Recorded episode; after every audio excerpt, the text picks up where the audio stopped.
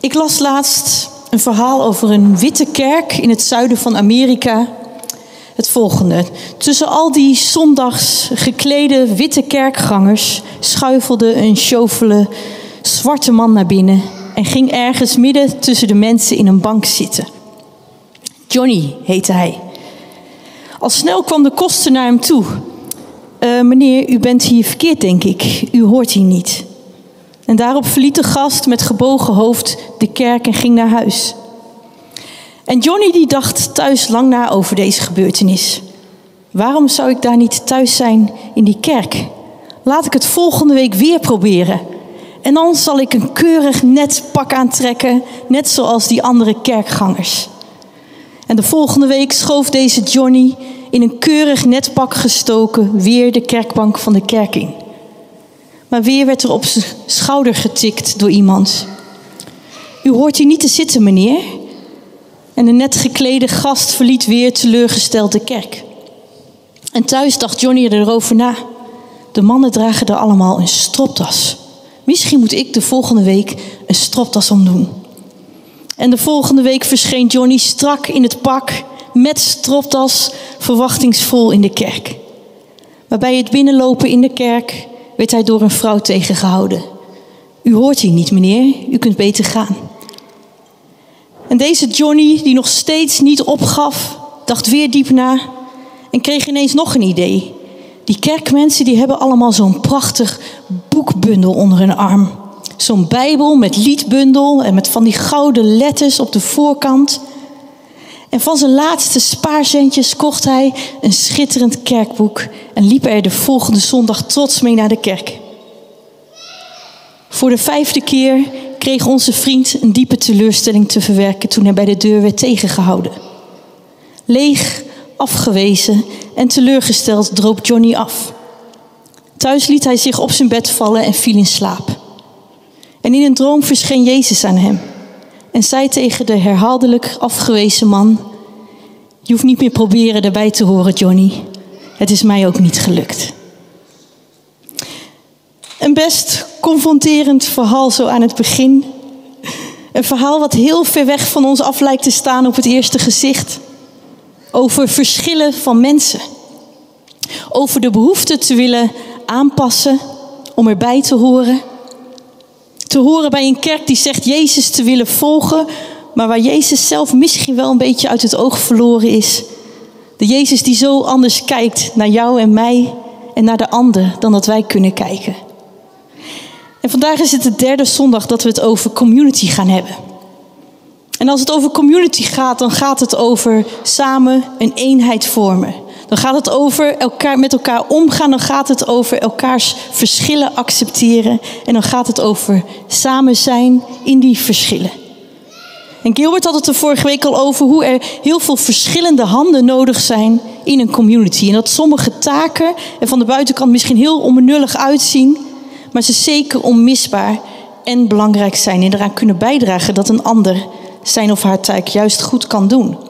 En hij haalde daarbij het verhaal aan van Mozes, wiens handen omhoog gehouden moesten worden, zodat God het volk Israël zo uiteindelijk de overwinning gaf over de Amalekieten. Er moesten mensen zijn die Mozes handen omhoog moesten houden. Maar hij had het er ook over dat het zo belangrijk was dat we leren gehoorzamen. En als we morgen een tijd ingaan van 21 dagen vasten, als we in het natuurlijke gaan bewegen, dat God in het bovennatuurlijke wil gaan bewegen en bijzondere dingen wil gaan doen in ons midden. En vandaag wil ik verder gaan over deze verschillen die er kunnen zijn. Verschil in doen, maar ook verschil in zijn. Want ik geloof dat er vanuit ons zijn datgene komt wat wij doen. En als je aan elkaar gewaagd wordt in een community, zoals wij hier vandaag allemaal met elkaar zitten, dan is dat denk ik nogal wat. Want dan hebben we te maken met heel veel mensen. Met heel veel verschillende mensen. Met heel veel verschillende mensen met verschillende achtergronden en overtuigingen. Met heel veel mensen met hun eigen wonden en eigenaardigheden. Allemaal heel verschillend. En dat kan heel mooi zijn. Sterker nog, ik geloof dat dat juist de bedoeling is. Maar er liggen zeker ook uitdagingen. Want het kan je anders doen voelen. En het kan je eenzaam doen voelen. En ik wil daar vandaag graag nog verder op ingaan. En ik wil eerst met jullie lezen 1 Korinthe 12, vers. Sorry hoor, hij piept weg. 14 tot en met 22. Tegelijk bestaat een lichaam niet uit één deel, maar uit vele. Als de voet zou zeggen, ik ben geen hand, dus ik hoor niet bij het lichaam, hoort hij er dan werkelijk niet bij. En als het oor zou zeggen, ik ben geen oog, dus ik hoor niet bij het lichaam, hoort hij er dan werkelijk niet bij. Als het hele lichaam oog zou zijn, waarmee zou het dan kunnen horen? En als het hele lichaam oor zou zijn, waarmee zou het dan kunnen ruiken? Maar God heeft juist alle lichaamsdelen hun eigen plaats gegeven, precies zoals Hij dat wilde. Als ze met elkaar slechts één lichaamsdeel zouden vormen, zou dat dan een lichaam zijn? Het is juist zo dat er een groot aantal delen is en dat die met elkaar een lichaam vormen. Het oog kan niet tegen de hand zeggen: Ik heb je niet nodig. En evenmin kan het hoofd tegen de voet zeggen: Ik heb jullie niet nodig. Integendeel, juist die delen van het lichaam die het zwakst lijken te zijn, zijn het meest noodzakelijk. We lezen hier over één lichaam, maar bestaand uit zoveel verschillende lichaamsdelen en functies daarvan. En dat als de zou zeggen, ik hoor niet bij de hand, want ik zie er zo ontzettend anders uit. En dat niet alleen, ik ben compleet anders. En hij zich zou afvragen of hij dan wel bij het lichaam zou horen. Dan is dat voor ons een vraag naar de bekende weg, toch? Als we dat zo lezen, dan zeggen we allemaal, ja tuurlijk, hoort een voet bij het lichaam, ook al ziet hij er zo anders uit. Dat is een rare vraag. En hetzelfde als een oor dat zou zeggen over het oog. Zo compleet anders van buiten en van binnen hoor ik wel bij dat lichaam dan, dan kunnen we ook om lachen met elkaar. En dan zeggen we, tuurlijk hoort dat oor net zo goed bij het lichaam als het oog.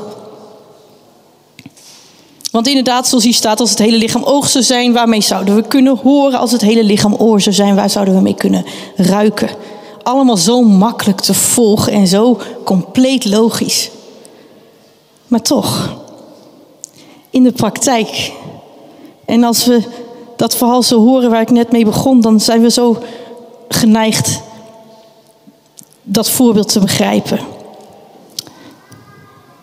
Maar als we in de praktijk staan, hebben we de neiging om de verschillen van een ander, maar misschien wel het verschil van onszelf heel slecht te kunnen accepteren. Dan voelen we ze heel uitdagend. En tegelijkertijd hebben we als mens zo de behoefte om ergens bij te horen. We zijn van oorsprong gemaakt om in een groep te leven. We zijn gemaakt om deel uit te maken van een groep. En vanuit die behoefte om ergens bij te willen horen, kunnen we zomaar de neiging hebben ons misschien toch een klein beetje aan te passen. Kunnen we zomaar de neiging hebben om toch iets meer het oog te willen zijn, omdat hij zo mooi eruit ziet, net als bij de buurman. En door die sterke behoefte om erbij te horen, zijn we ons verschil misschien wel gaan zien als een obstakel als iets wat we moeten gaan veranderen.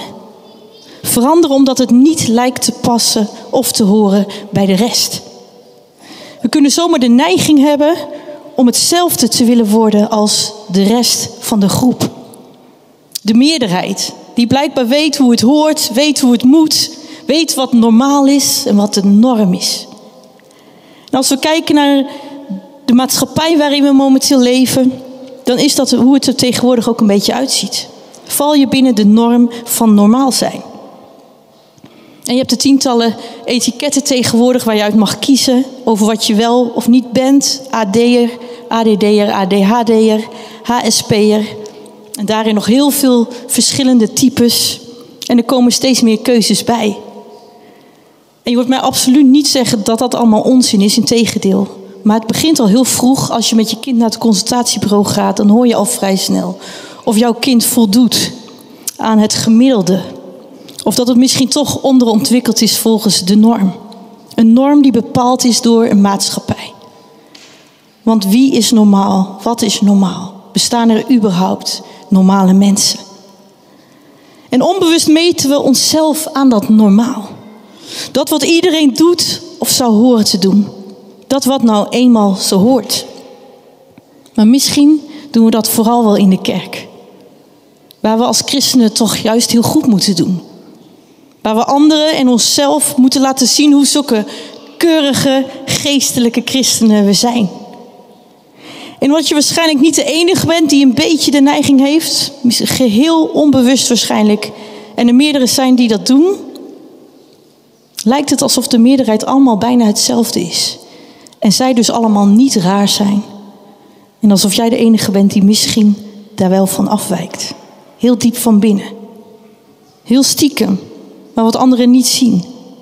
Net zoals dat jij het ook niet bij anderen kan zien. En toch is dat het iets wat we het liefst niet willen. Afwijken. Of anders zijn. En sommigen misschien juist wel, die vinden het heel cool om anders te zijn. Maar de meeste, voor de meeste van ons dan voelt dat diep van binnen raar. Het voelt raar om als enige de neus te zijn, terwijl je ziet hoe de hand iets moois aan het maken is met de andere hand. Wat kun jij daar als neus dan aan toevoegen? Terwijl als die handen lekker eten maken en je zou het niet kunnen ruiken, dan zou er toch zoveel genot en smaak verloren zijn. Zou het niet compleet zijn, toch? Maar we vinden het meestal lastig om anders te zijn. Anders voelt eenzaam. Ik las laatst een artikel van een arts die een onderzoek naar eenzaamheid had gedaan. De volgende uitspraak. We hebben allemaal een diepe en blijvende behoefte om gezien te worden om wie we zijn als volledige, complexe en kwetsbare mensen. We hebben allemaal een diepe en blijvende behoefte om gezien te worden om wie we zijn als volledige, complexe en kwetsbare mensen. Ik denk dat die eenzaamheid van je anders voelen, de eenzaamheid van je niet geaccepteerd voelen om wie je werkelijk bent, om de unieke jij die je bent, de enige kleur die juist jij hebt gekregen, dat die eenzaamheid je op een gegeven moment vast kan zetten. En je in een soort pauzestand staat om je nog een andere te laten zien. We kunnen in een pauzestand komen om onszelf nog met anderen te durven verbinden. Omdat we vanuit die eenzaamheid van het anders zijn, of het niet christelijk en geestelijk genoeg zijn, zoals de rest die het wel lijkt, vanuit die eenzaamheid misschien onszelf hebben verstopt om wie we echt zijn. En van daaruit zouden we zomaar een clubje kunnen worden. Een clubje van mensen, van verstopte mensen. Van makke schapen die elkaar allemaal achterna lopen met allemaal dezelfde christelijke glimlach. Met dezelfde christelijke taal en termen. Met dezelfde manier van dansen en de handen in de lucht gooien. Terwijl we de echte verbinding zomaar zouden kunnen missen. Want hoe kunnen we echt met elkaar verbinden als we onze echte zelf niet meer durven te laten zien? Als we ons eigen anders zijn, ons eigen uniek zijn, onze eigen kleur niet meer durven te laten zien. Als we ons liever blijven verschuilen in onze eenzaamheid en misschien wel ons eigen zelfmedelijden. Ons zelfmedelijden wat zegt, ik hoor er toch niet meer bij. Ik voel me niet gezien, ik voel me niet gehoord, ik voel me niet thuis in deze gemeente. En ik geloof dat er qua gemeente zeker niet voor niks vele kleuren zijn. En dat je een gemeente mag aansluiten waar je, die het meest past bij je eigen kleur. En waar je het meeste thuis voelt. Maar je blijft mensen tegenkomen. Je blijft ook daar mensen tegenkomen die anders zijn. Anders dan jij. Mensen die anders denken dan jij. En die het totaal anders uiten dan jij. Mensen die anders zijn. Omdat dat nou net de bedoeling was. De bedoeling van dat lichaam waar we net over lazen. Dat we allemaal verschillende lichaamsdelen zouden zijn. Niet allemaal dezelfde. Als het hele lichaam oog zou zijn, waarmee zouden we dan kunnen horen? Als het hele lichaam oor zou zijn, waarmee zouden we kunnen ruiken? En het klinkt zo ontzettend logisch in deze tekst. Maar het is in de praktijk zoveel lastiger. Want we zoeken in ons gewone leven buiten de kerk toch ook vooral clubjes op waar we hetzelfde gemeen hebben. Dezelfde sport of hobby's, dezelfde interesses. Noem het maar op. En dat doen we niet voor niks natuurlijk. Want het voelt nou eenmaal fijn. Dan heb je genoeg om over te praten. En je voelt je een, een verbondenheid met elkaar. En dat maakt dat je je veilig en geaccepteerd voelt om wie je bent. Het maakt vooral dat je je niet meer eenzaam voelt. En nou is de kerk natuurlijk ook zeker een club waar we iets gemeen hebben. Waar we iets gemeens zouden moeten voelen. Eén gemeenschappelijk groot doel voor ogen. Eén Jezus waar we van houden en die we willen volgen. Maar toch, Toch lijkt het in die kerk juist een uitdaging om acceptatie te vinden soms. Toch lijkt het daar nou net die eenzaamheid te heersen. Misschien juist omdat we als christenen het idee hebben dat we het nooit goed genoeg zullen doen. Voor onszelf en voor anderen een hele hoge lat hebben neergelegd. Dat we op Jezus moeten lijken, dus waarschijnlijk op die grote kerkleiders moeten lijken, die het wel zullen weten. Dat we zoals iedereen daar moeten worden. Daar waar het perfect zou moeten zijn, maar waar er misschien juist wel veroordeling is. Als iemand net even een andere levensstijl of kledingstijl heeft. Daar waar we misschien vooral torenhoge verwachtingen hadden dat dat wel de plek zou zijn. Waar echte verbinding en echte acceptatie zou heersen. Dat juist daar God te zien en te voelen zou zijn. Maar dat het een plek bleek waar ook gewoon gebroken mensen komen. Gebroken mensen die allemaal een verhaal hebben. Gebroken mensen die allemaal in een ander gezin zijn opgegroeid. Gebroken mensen die in dat gezin een compleet andere positie hadden. Gebroken mensen die daarin gevormd, maar ook beschadigd zijn misschien. Gebroken mensen die daarin dingen tekort zijn gekomen, die ze nu van anderen hopen terug te krijgen. Juist in die kerk waar ze zeggen dat ze Jezus volgen en zijn liefde willen uitstralen. Gebroken mensen die daardoor zijn geworden wie ze zijn. Gebroken mensen, anders dan jij misschien, maar ook gebroken. Gebroken, maar volledig bedoeld in het geheel. En het kan ons bewust of onbewust eenzaam doen voelen in zo'n groep met gebroken mensen waar je maar geen aansluiting lijkt te kunnen krijgen soms. Maar zoals ik net al zei, misschien vooral omdat je zelf zo gebroken bent.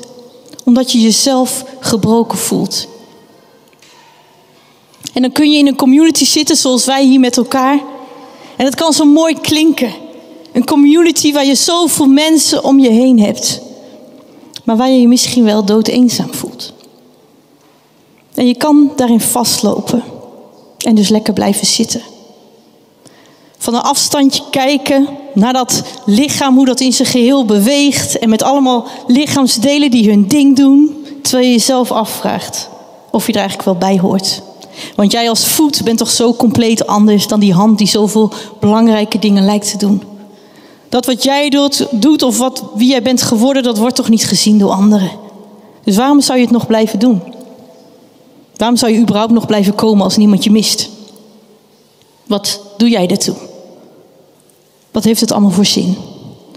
Gedachten die zomaar onbewust in jou kunnen leven in een community als deze. Ik heb jullie heel vaak gezegd hoe ik me voelde toen Gilbert me voor het eerst vroeg om te spreken. Ik lachte hem nog net niet echt keihard uit. Ik vond het echt een belachelijk idee. En nog vaak eerlijk gezegd. Nog iedere keer als ik in voorbereiding ben voor een overdenking, dan moet ik vechten. En toen ik voor het eerst mocht spreken, dat is inmiddels misschien iets van acht jaar geleden nu. Ik denk het wel.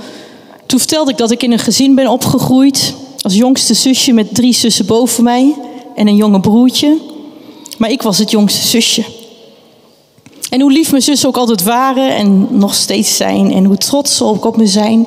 Ik ben en blijf toch altijd een beetje het jongste zusje. En dat is niemand schuld, dat is ook helemaal niet fout of erg. Maar het is domweg de positie die ik altijd in ons gezin heb en heb gehad. En het maakt daarom een beetje dat dat kan blijven hangen in je leven. De positie van het jongste zusje. Dus ik heb automatisch altijd een beetje dat kleine opdondergevoel gehouden. Als grote mensen praten, houden kleine liesbetjes hun mond. En dat heeft niemand me ooit zo gezegd met die woorden, maar dat is wat ik mezelf ben gaan vertellen. Vanuit zo'n simpele positie die je altijd in een gezin hebt gehad. En toen daarbij kwam dat mijn moeder acht jaar ziek was gedurende mijn puberteit en ik heel veel van school moest missen en me heel slecht kon concentreren op school. Toen kwam er een nieuw verhaal bij wat ik mezelf had verteld. En dat was dat ik dom was. Want ik miste best wat de algemene ontwikkeling. Dus en een kleine opdonder en iemand die behoorlijk dom was. En toen Gilbert mij dus vroeg om te spreken, toen klonk dat voor mij echt compleet onlogisch. Vooral omdat ik net uit een periode kwam dat ik best ver van God vandaan was. Zoveel redenen om mij te blijven verschuilen. Om nee te zeggen. Maar toch was het of ik ergens gepusht werd. Alsof er heel diep binnen in mij een vlammetje ging branden. Heel klein, maar het brandde. En ik wist dat ik dit niet mocht negeren. Ik voelde dat ik moest opstaan. En op het moment dat ik ja zei, op het moment dat ik die bewust zondag daar ging staan, op het moment dat ik mijn mond opendeed, voelde het alsof er iets werd verbroken.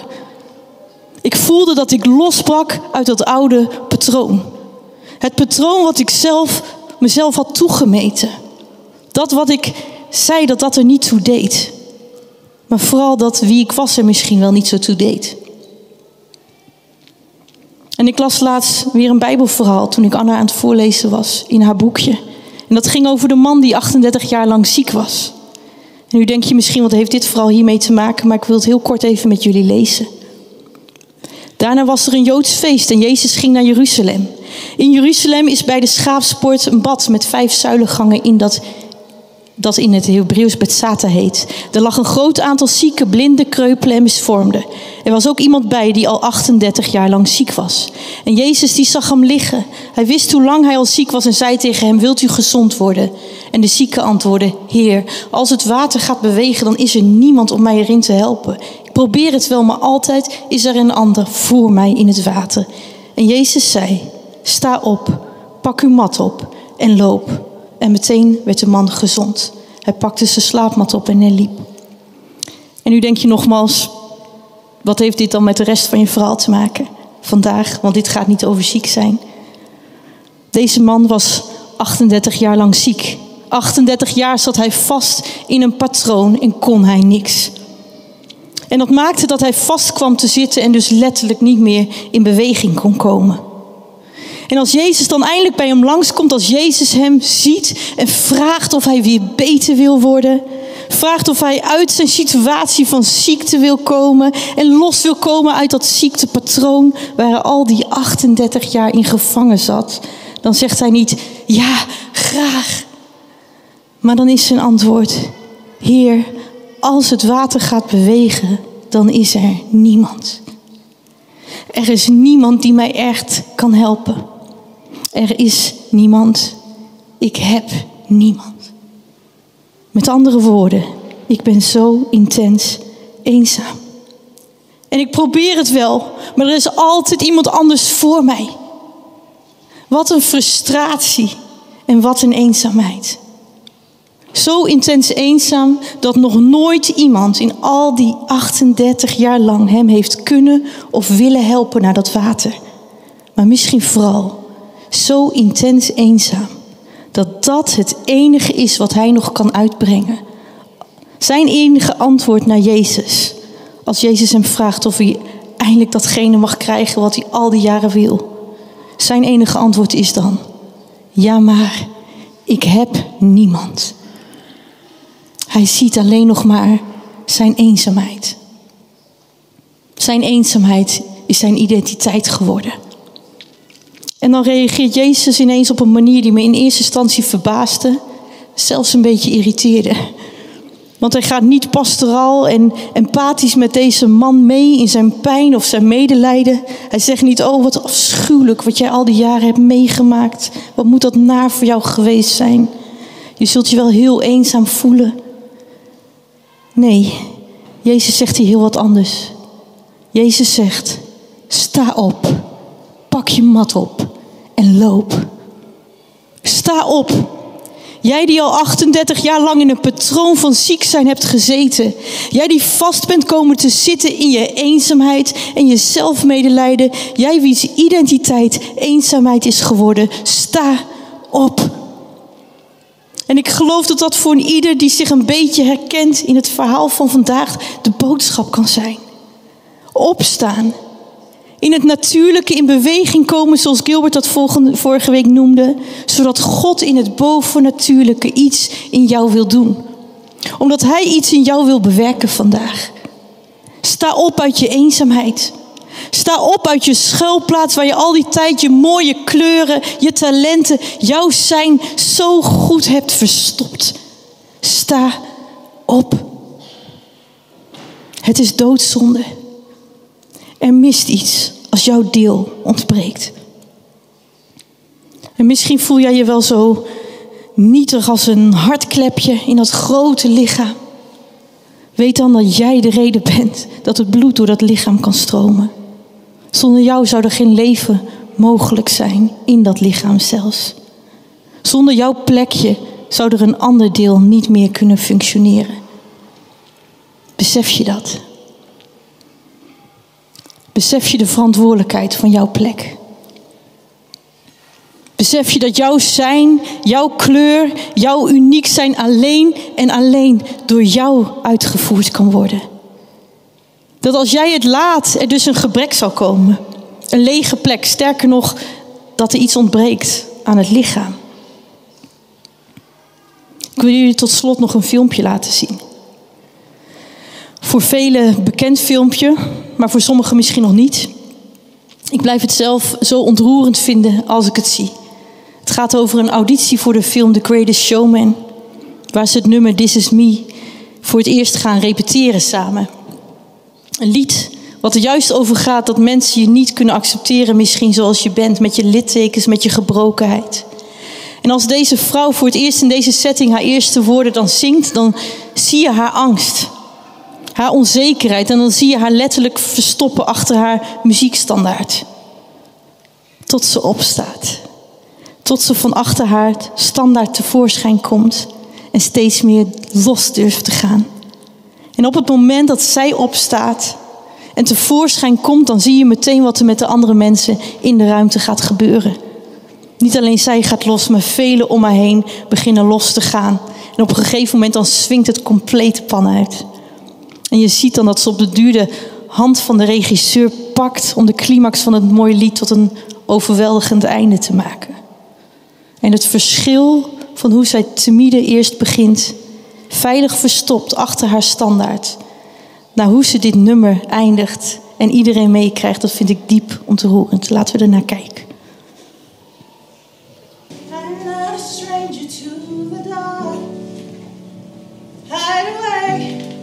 say Cause we don't want your broken parts. I've learned to be ashamed of all my scars.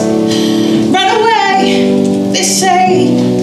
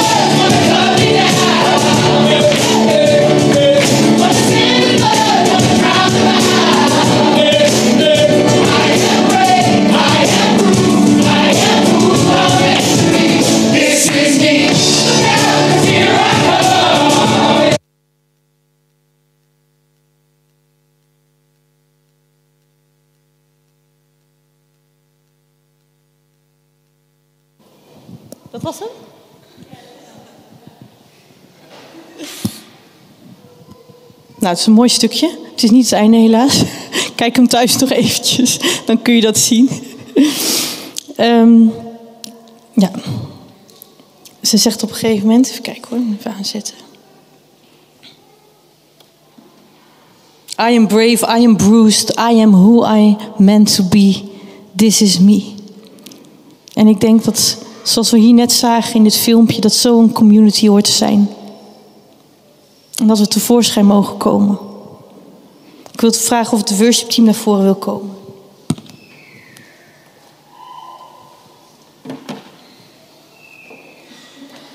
Dit is wat ik ons allemaal toewens, wat ik mezelf toewens. Kom achter je muziekstandaard vandaan. Want dan gebeurden er dingen die je nooit voor mogelijk had gehouden. Dan gebeurden er dingen die je nooit had durven denken. Maar ook met je omgeving, met de mensen om je heen. Dan pas worden we een geheel wat in verbinding is met elkaar. Dan pas worden we een community zoals die bedoeld is.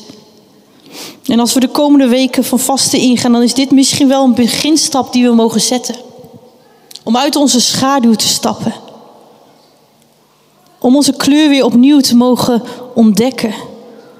Om ons vlammetje, wat misschien heel diep in ons verstopt zit, wat heel zachtjes brandt, om dat weer op te mogen zoeken samen met jouw hemelse Vader.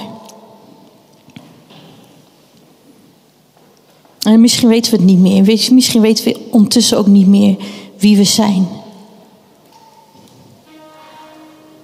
Zullen we vragen of God het ons duidelijk weer wil maken in de periode die voor ons ligt? Of we stap voor stap weer, weer durven. Onszelf weer te durven laten zien. Hoe kwetsbaar dat ook kan voelen.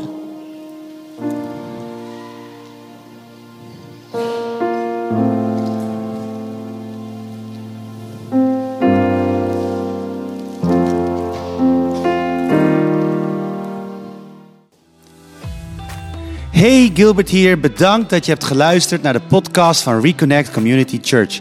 Ik hoop en bid dat je er niet alleen door bent bemoedigd of geïnspireerd, maar dat deze uitzending jou ook weer meer heeft mogen wijzen naar Jezus en zijn liefde, genade en trouw voor jou en voor mij. En als jij, net als wij, ook enthousiast bent over deze podcast, dan kan je ons helpen door je te abonneren op ons kanaal en deze overdenking te delen met vrienden en bekenden. Mocht je ons ook financieel willen ondersteunen, dan kan dat via reconnect.cc geven. Je helpt ons dan om dit te blijven doen, zodat wij mede dankzij jouw steun mensen kunnen blijven bereiken met het goede nieuws van Jezus. Bedankt voor je betrokkenheid en je support.